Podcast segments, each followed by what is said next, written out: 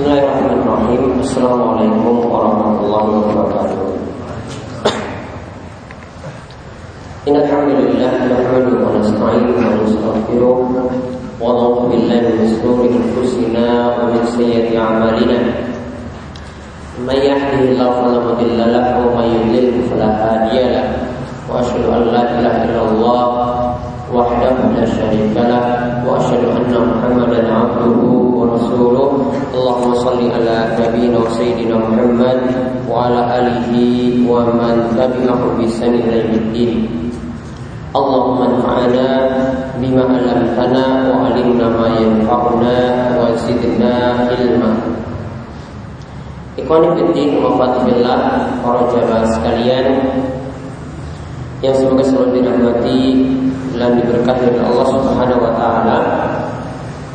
Pada kesempatan kali ini Alhamdulillah kita masih diberi nikmat oleh Allah Subhanahu wa taala sehingga kita dapat duduk di majelis yang mulia ini selepas kita melaksanakan sholat maghrib secara berjamaah dan kita pada kesempatan kali ini akan melanjutkan kajian rutin kita dari pembahasan Riyadhus Shalihin karya ulama besar kita, ulama besar Syafi'iyah, Imam Yahya bin Syarh An-Nawawi rahimahullah di mana pembahasan kita lebih konsen pada pembahasan tentang masalah adab. Dan kita masih berada dalam pembahasan adab adab salam. Kita melanjutkan bab yang nomor 137 yaitu tentang salam laki-laki kepada istrinya atau kepada wanita yang masih ada hubungan mahram atau kepada wanita yang bukan mahram atau kepada sekelompok wanita yang bukan mahram selama tidak khawatir akan godaan yang besar dari wanita. Dan salam kepada mereka kata Imam Nawawi mesti memenuhi syarat ini yaitu syarat selamat dari fitnah atau godaan. Kemarin kita sudah lihat hadis dari Sahal bin Sa'ad radhiyallahu anhu bahwasanya ketika itu ada seorang wanita yang sudah sepuh dan biasa dia membuatkan makanan dan ketika selesai sholat Jumat para sahabat itu keluar lantas mereka itu mengucapkan salam kepada wanita tersebut. Kemudian wanita tersebut menyerahkan makanan kepada para sahabat yang datang tatkala itu. Ini jadi dalil bahwasanya sekelompok laki-laki itu boleh mengucapkan salam kepada seorang wanita yang bukan mahram sekelompok laki-laki boleh mengucapkan salam kepada wanita yang bukan mahram. Dan tadi sudah diberikan syarat oleh Imam Nawawi seperti ini dibolehkan asalkan wanita yang diberi salam itu selamat dari godaan. Artinya ketika mengucapkan salam laki-laki itu selamat dari godaan wanita tersebut. Karena di sini dikatakan ajus. Ajus itu artinya orang yang sudah sepuh.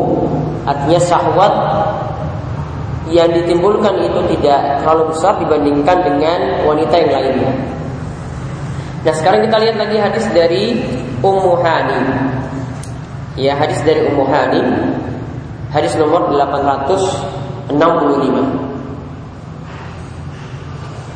Dari Ummu Hani namanya adalah Fahidah binti Abi Thalib tentang namanya sendiri nama aslinya ada sebagian ulama yang menyebut Fakita sebagaimana yang disebut oleh Imam Nawawi, Nawawi di sini dan ada yang menyebut dengan nama Fatimah dan ada yang menyebut dengan nama Hindun. Namun kata para ulama yang lebih tepat namanya adalah seperti yang disebutkan oleh Imam Nawawi dan itu itulah yang lebih masyhur yaitu nama Fakita dan dia adalah saudara dari Ali bin Abi Thalib. Ummu Hani itu mengatakan bahwasanya Ia berkata di sini ataitu nabiyya sallallahu alaihi wasallam yaumal fathi. Aku pernah menemui Nabi SAW pada Fatul Mekah Yaitu maksudnya adalah pada tahun Fatul Mekah. Wahuwa yaktasilu. Dan ketika itu Nabi SAW dalam keadaan mandi. Dan ketika itu Nabi SAW dalam keadaan mandi. Yaitu sedang mandi Wa Fatimatu tasturuhu bisaubi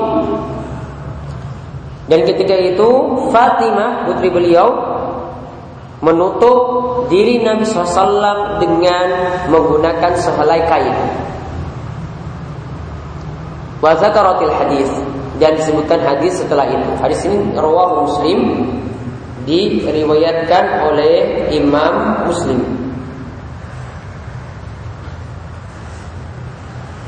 Pelajaran yang bisa kita ambil di sini yaitu tentang masalah salam.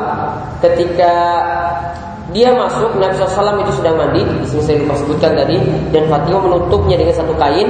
Fasalam tuh. Maka ketika itu Ummu Hani mengucapkan salam, yaitu kepada Nabi SAW atau orang yang ada dalam rumah, lalu disebutkan hadis secara lengkap. Maka faedah penting yang bisa kita ambil di sini kaitannya dengan masalah salam yaitu bolehnya wanita yang bukan mahram mengucapkan salam kepada seorang pria. Bolehnya wanita yang bukan mahram mengucapkan salam kepada seorang pria. Namun tetap tadi dengan catatan selama selamat dari fitnah. Selama selamat dari menimbulkan godaan.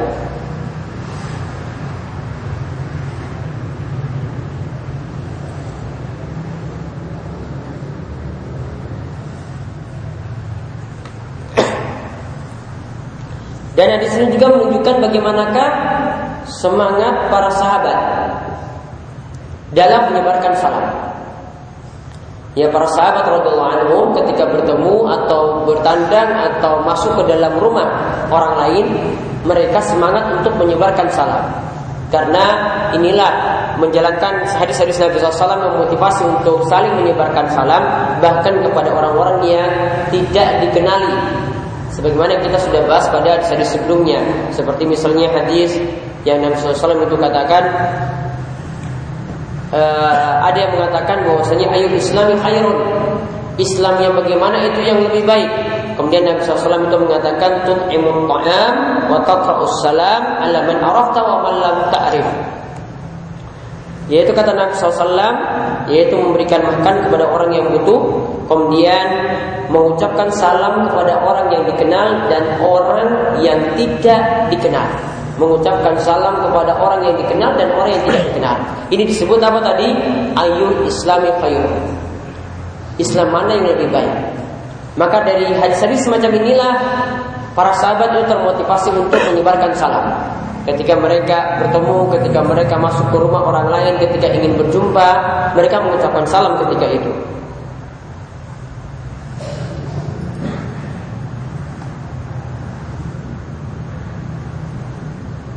Dan kata Imam Al-Qurtubi tentang hadis ini tadi yang kami sebutkan bahwasanya di situ digabungkan antara memberi makan dan di situ juga disebutkan menyebarkan salam karena memberi makan kepada orang lain dan menyebarkan salam istilzamul mahabbah diniyah wal ulfa al islamiyah. Kata beliau dengan membantu orang lain dengan memberi dia makan dan mengucapkan salam, maka itu akan menimbulkan rasa cinta yaitu mempererat kuah dalam agama dan menimbulkan kasih sayang sesama saudara seiman atau sesama saudara muslim.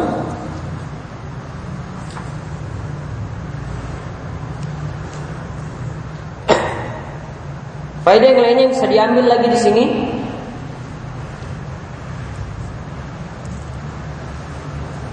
Yaitu di sini ada ajaran untuk menutupi diri. Yaitu untuk menutup diri ketika berada saat itu sedang mandi atau berada di kamar mandi. Karena ketika itu Fatimah yang menutup diri Nabi SAW. Jadi keadaan rumah Nabi SAW itu berarti ya tidak besar atau tidak disediakan tempat yang khusus seperti kamar mandi kita saat ini. Sehingga ketika mandi ada kain yang mesti menutupnya dan ada yang mesti menjaganya yaitu putri Nabi SAW itu yang menjaganya ketika itu. Dan ketika itu ditutup ini menunjukkan bahwasanya pentingnya menutup aurat ketika buang hajat atau ketika mandi. Ya pentingnya menutup aurat ketika buang hajat atau ketika mandi. Terutama yang terpenting sekali di sini adalah dalam masalah buang hajat.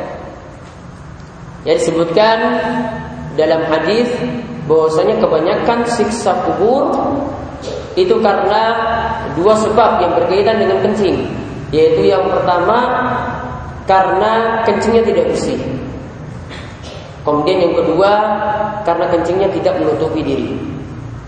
Kebanyakan siksa kubur itu sebabnya karena kencing, karena bau. Yaitu karena kencing. Di antara sebabnya tadi kencingnya tidak menutupi diri. Berarti ini menunjukkan kalau dapat ancaman siksa kubur seperti ini, berarti orang yang kencingnya tidak beres, artinya tidak menjaga kebersihan badannya, tidak menjaga kebersihan pakaiannya, dan juga orang yang tidak menutupi diri ketika kencing, berarti terjerumus dalam dosa besar. Karena pengertian dosa besar itu adalah setiap dosa yang disebutkan hukuman di dalamnya. Pengertian dosa besar itu adalah setiap dosa yang disebutkan hukuman di dalamnya.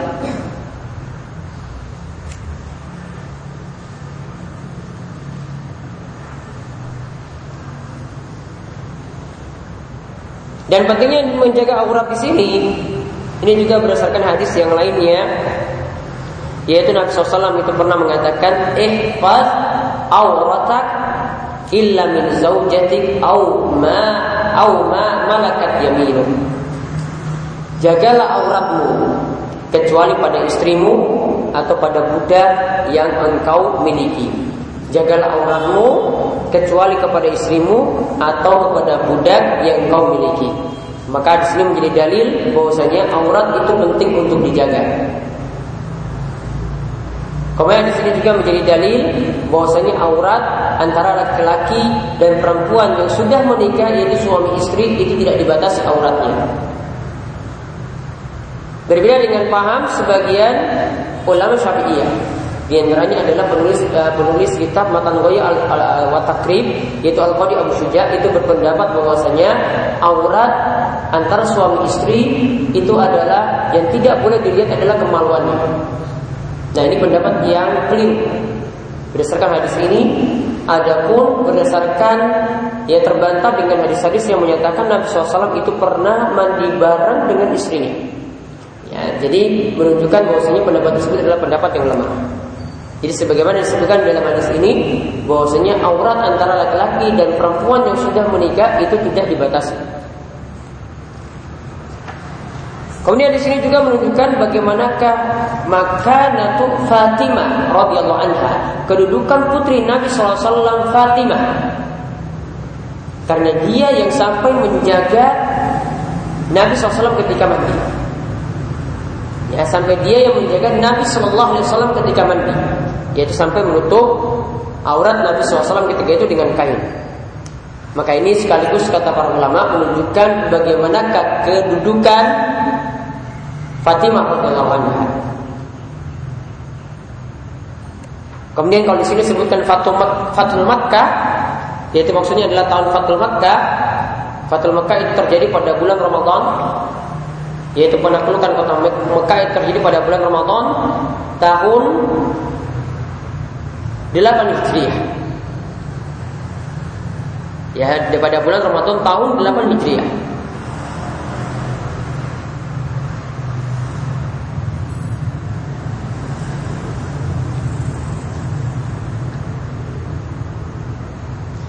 Dan setiap orang yang bersodakoh sebelum penaklukan Mekah atau masuk Islam sebelum penaklukan Mekah dia lebih utama daripada masuk setelah penaklukan Mekah. Sebagaimana disebutkan dalam ayat suratul Hadid ya surat Al-Hadid ayat ke-10 La yastawi minkum man anfaqa min. Tidaklah sama di antara kalian siapa yang berinfak sebelum Fathul Mekah, sebelum penaklukan kota Mekah dan berperang ketika itu. Ulaika a'zamu darajatan minal ladzina anfaqu min ba'du wa qatal. Mereka yang masuk Islam sebelumnya, sebelum Fathul Mekah, itu pahalanya lebih besar, derajatnya lebih tinggi daripada orang yang berinfak setelah Fathul Mekah atau orang yang berperang setelah Fathul Mekah. Wa. Namun keduanya tetap dapat pujian yaitu mereka Allah janji akan mendapatkan kebaikan. Namun dari kebaikan tadi ada yang punya kedudukan lebih tinggi daripada yang lainnya.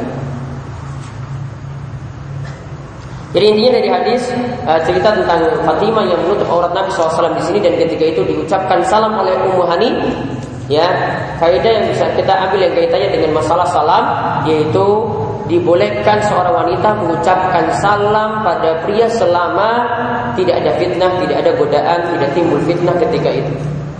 Kemudian hadis yang berikutnya hadis nomor 866 dari Asma binti Yazid radhiyallahu anha. Ia mengatakan Asma itu mengatakan Marra alaina Nabi SAW fi niswatin. Nabi SAW pernah melewati sekelompok wanita. Nabi SAW pernah melewati sekelompok wanita. Fasallama alaina. Lantas ketika itu beliau mengucapkan salam kepada kami. Hadis ini diriwayatkan oleh Imam Abu Daud dan Tirmizi Imam Tirmizi mengatakan hadisnya itu hasan. Namun lafaz hadis ini adalah lafaz Abu Daud. Kemudian lafaz Tirmizi disebutkan anna Rasulullah marra fil masjid yauman.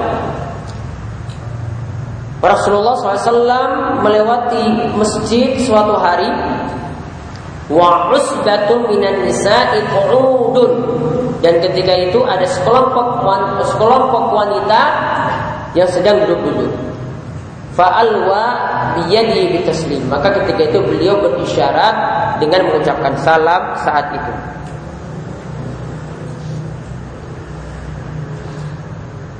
Intinya hadis ini sudah kita bahas sebelumnya. Ya kita sudah bahas membahas hadis ini sebelumnya ketika itu juga sudah dibawakan hadis ini.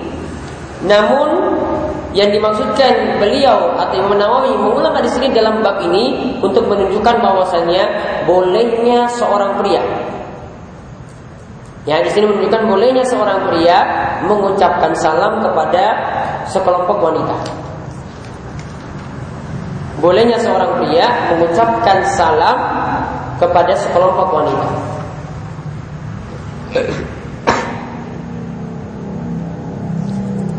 Jadi intinya dalilnya penilaiannya dari sisi itu ya jadi sah-sah saja atau dibolehkan selama tidak ada fitnah, tidak menimbulkan godaan atau bahaya bagi si pria, dia boleh mengucapkan salam kepada sekelompok wanita ketika itu.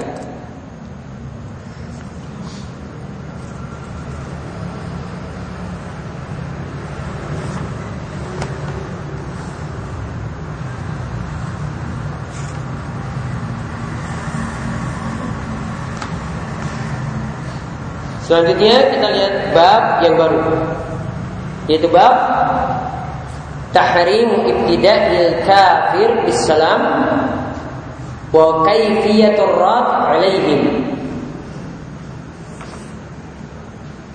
yaitu disebutkan bab haramnya memulai mengucapkan salam pada orang kafir.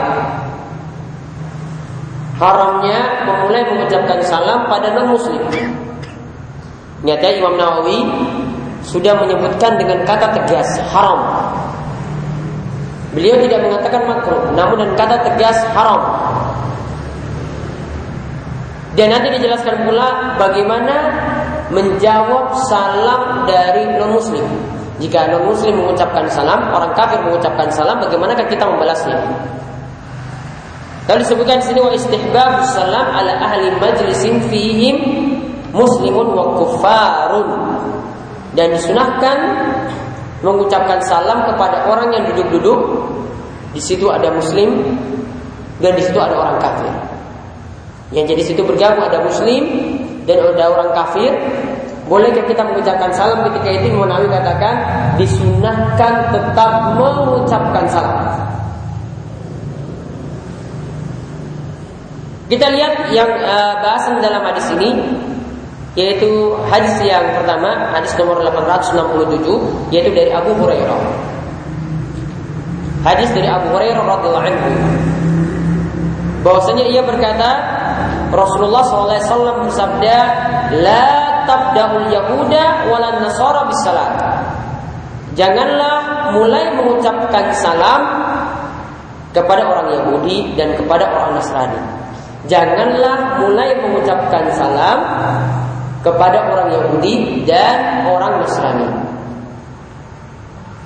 Kemudian disebutkan faizal lakitum ahadahum fi tariq fattarabuhu ila adyaqihi jika kalian itu bertemu dengan salah seorang dari mereka di jalan, maka pepetlah mereka sehingga membuat jalan mereka itu sempit.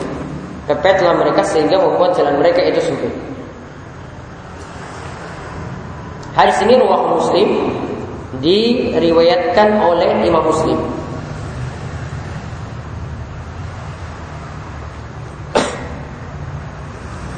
Dari sisi fikih yang bisa kita ambil, kita simpulkan saja dari kata tegas dari Imam Nawawi bahwasanya hukum memulai mengucapkan salam pada non muslim hukumnya haram dan inilah yang menjadi pendapat dalam mazhab Syafi'i. Yang menurut mazhab Syafi'i ya, tidak boleh kita memulai mengucapkan salam pada non muslim. Yang boleh kalau menurut ulama Syafi'iyah ayyuhiyahu bi ghairi salam. Dihormati dengan selain ucapan salam. Misalnya dengan mendoakan hadap Allah. Semoga Allah memberi petunjuk kepadamu.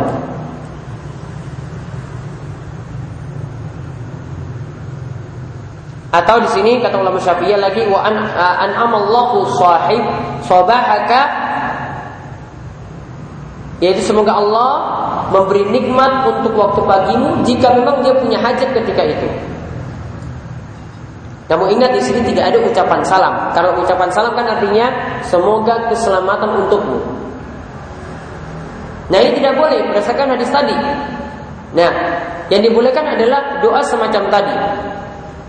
Kalau doa semacam tadi itu boleh, maka Imam Nawawi uh, ulama Syafi'i itu berpendapat yang selain itu untuk mengucapkan salam atau untuk menghormati mereka yang dalam bentuk yang lainnya itu sama sekali tidak dibolehkan untuk memulainya. Karena seperti itu kata ulama Syafi'iyah itu akan lebih menimbulkan wad, lebih menimbulkan kasih sayang atau loyalitas kepada non muslim. Dan dari hadis ini kita bisa ambil pelajaran bahwasanya Islam mempunyai prinsip ya mereka ya orang Islam itu diajarkan untuk mempunyai sifat wara. Ya al wala wal barok maaf bukan wara. Al wala wal barok yaitu barok berlepas diri dari non muslim maksudnya tidak setia atau tidak loyal pada non muslim dari hadis ini Ya secara umum diambil pelajaran bahwasanya Islam itu mengajarkan sifat barak yaitu berlepas diri pada non muslim.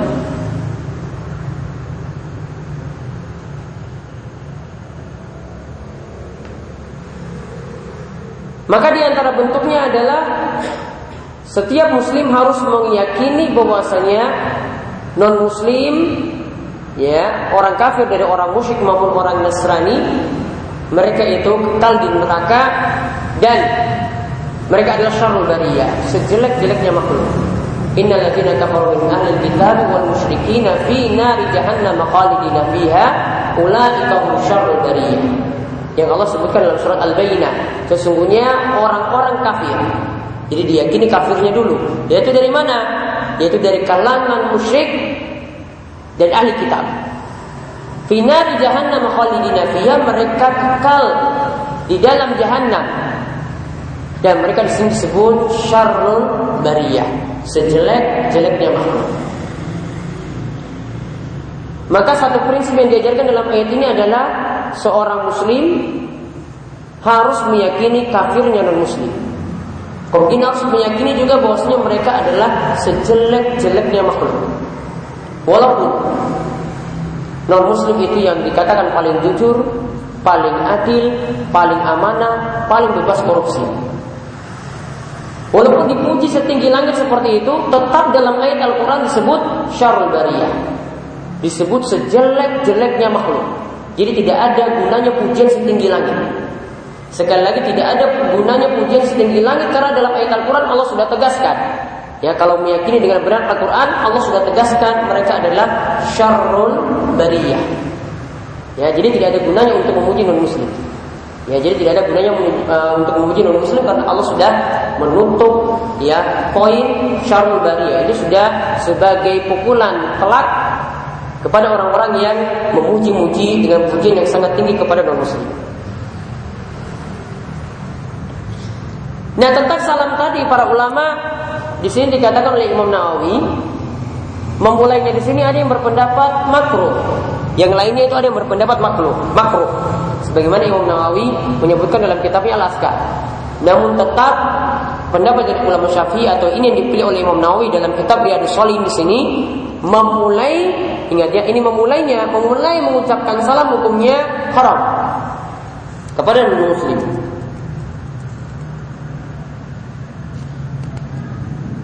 Jadi ini pelajaran fikih yang bisa kita ambil. Dari sini juga kita bisa ambil pelajaran bahwasanya untuk masalah membalas salamnya, nah ini perlu dilihat dari dalil yang lainnya. Kita sudah pernah membahas pada awal-awal bab salam, awal-awal kitab salam disebutkan ayat fa idza huyitum bitahiyyatin hayyu bi ahsana minha aw Jika kalian itu dihormati dengan suatu penghormatan, maka balaslah ya dengan uh, dengan penghormatan seperti itu atau yang lebih baik daripada itu. Jadi minimal kita balas dengan yang semisal. Di sini kata Syekh Muhammad bin Shalih Utsaimin untuk balasannya meskipun non muslim yang mengucapkan salam maka tetap juga harus dibalas. Namun yang kita bahas, bahas tadi itu adalah untuk memulainya tidak dibolehkan. Namun kalau mereka mengucapkan salam dengan ucapan yang tegas, Assalamualaikum warahmatullahi wabarakatuh.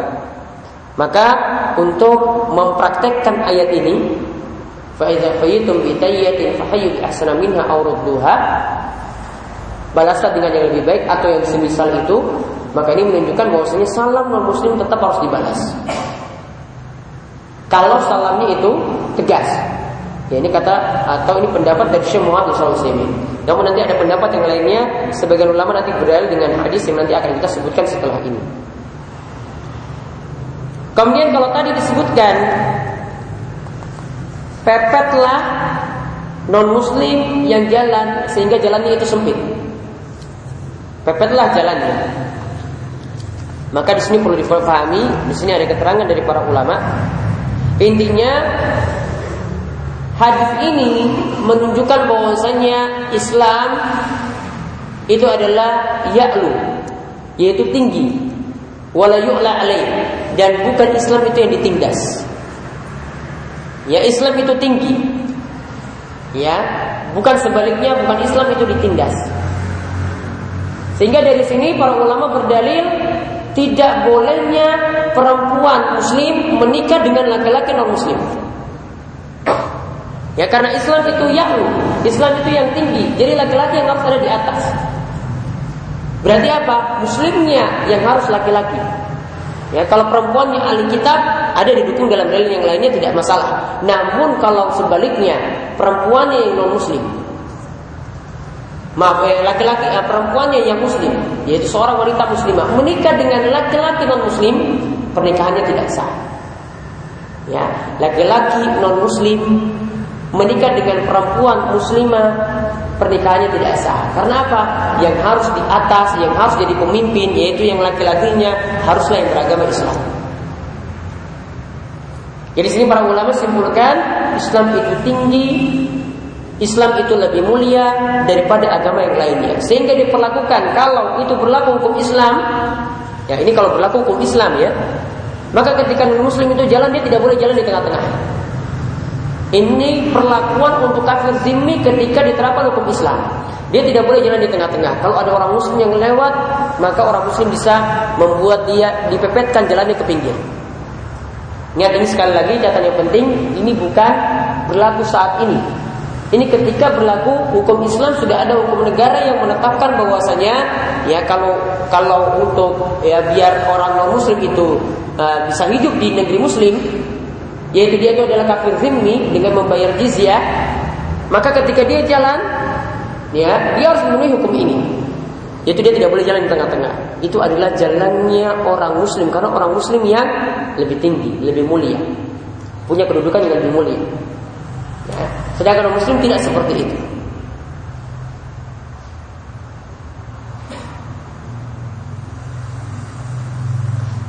Ya sebenarnya di sini terangkan oleh Ibnu Hajar bahwasanya mereka tidak diberi jalan seperti itu. Ini sebagai tanda kita tidak memuliakan mereka. Sebagai tanda kita tidak memuliakan mereka karena Islam yang harusnya lebih di atas, Islam yang harusnya lebih mulia daripada ya non Muslim tatkala itu.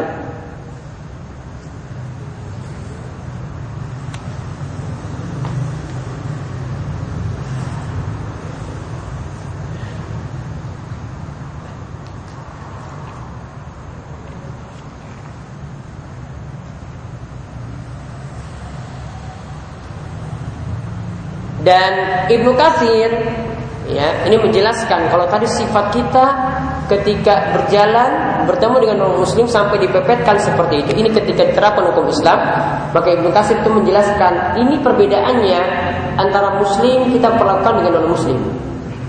Ibnu Katsir katakan bahwasanya sifat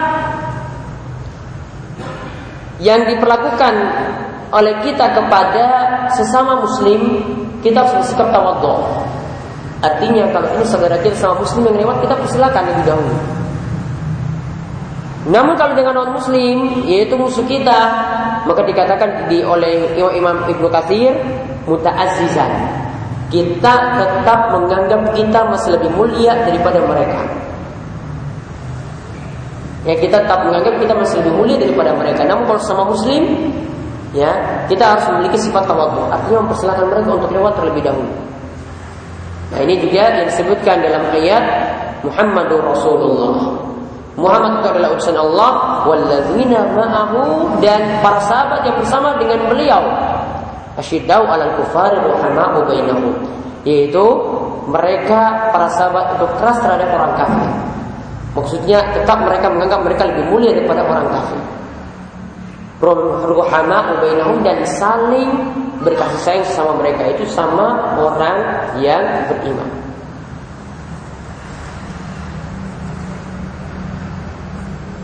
Kemudian hadis yang berikutnya, hadis yang terakhir yang kita bahas yaitu hadis dari Anas radhiyallahu anhu.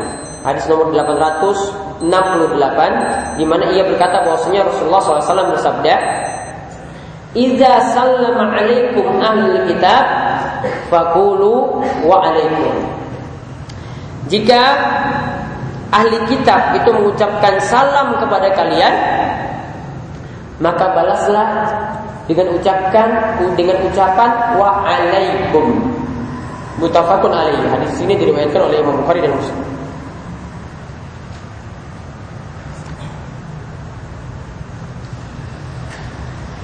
Maka di sini menunjukkan bagaimana cara membalas salam non muslim.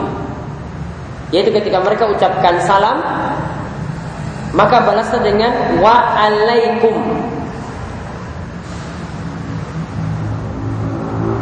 Yang dimaksudkan dengan wa alaikum itu adalah wa alaikum ladzi kuntum. Yaitu balasannya adalah begitu juga dengan kalian seperti itu. Kenapa tidak diucapkan secara lengkap Waalaikumsalam warahmatullahi wabarakatuh? Karena biasanya kalau orang Yahudi mengucapkan salam, mereka kadang mengucapkan salamnya itu samar-samar. Bukan assalamualaikum, namun assalamualaikum. Assalamualaikum yang artinya mampus kamu. Ya, yang artinya mampus kamu. Biar nanti dia juga kena seperti itu, maka langsung dibalas saja waalaikum. Karena ada ada kemungkinan dia bisa jadi uh, ucapkan assalamualaikum, bisa juga assalamu alaikum yang artinya mampus kamu tadi. Maka cukup balasnya apa? Waalaikum artinya mudah-mudahan kamu semisal itu juga. Ya, mudah-mudahan kamu semisal itu juga. Jadi di sini Pendapat yang lainnya dari pendapat para ulama bagaimanakah menjawab salam non muslim jadi cukup dijawab dengan waalaikum saja. Kalau tadi yang saya sebutkan yang pertama pendapat dari Syekh Muhammad bin Shalih kalau diucapkan salam yang jelas yang lengkap maka balaslah salam tersebut yang semisal atau dengan yang lebih baik. Namun kalau di sini ini pendapat dari sebagian ulama yang lainnya mereka berpendapat bahwasanya kalau diucapkan salam Baik tegas maupun samar, pokoknya balas dengan wa alaikum.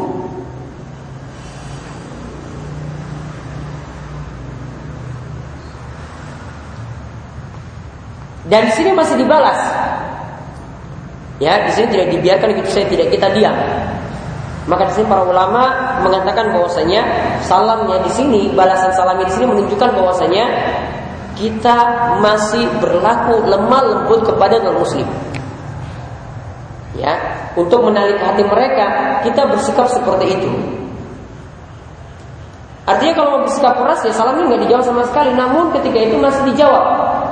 Maka di sini para ulama katakan itu untuk takliful qulub untuk melembutkan hati mereka. Ini sikap baik dari kita seorang muslim untuk melembutkan hati mereka salamnya tetap dijawab. Namun di sini kalau dikatakan dalam hadis ini adalah dibalas dengan wa alaikum Dan masih tersisa beberapa hadis lagi nanti insya Allah untuk hadis yang lainnya akan kita bahas pada pertemuan berikutnya. Ada yang ditanyakan sebelumnya sebelum kami tutup?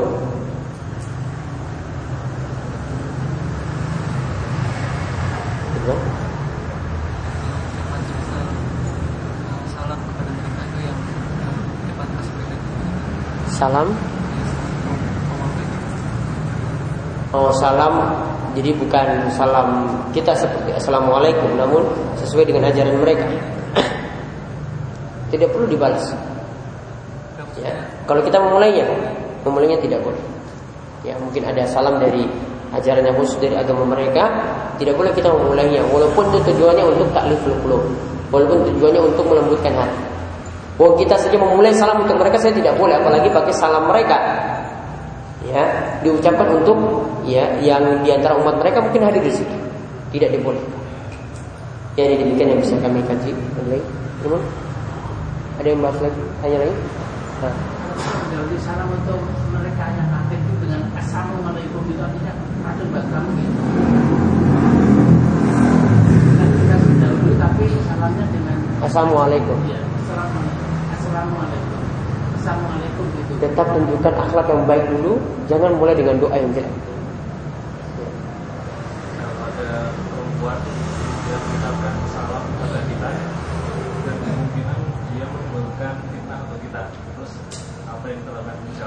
Kemarin saya sudah jelaskan tidak dijawab. Tidak dijawab. Ya demikian. Subhanakallahumma bihamdika asyhadu an la ilaha illa anta astaghfiruka wa atubu Assalamualaikum warahmatullahi wabarakatuh.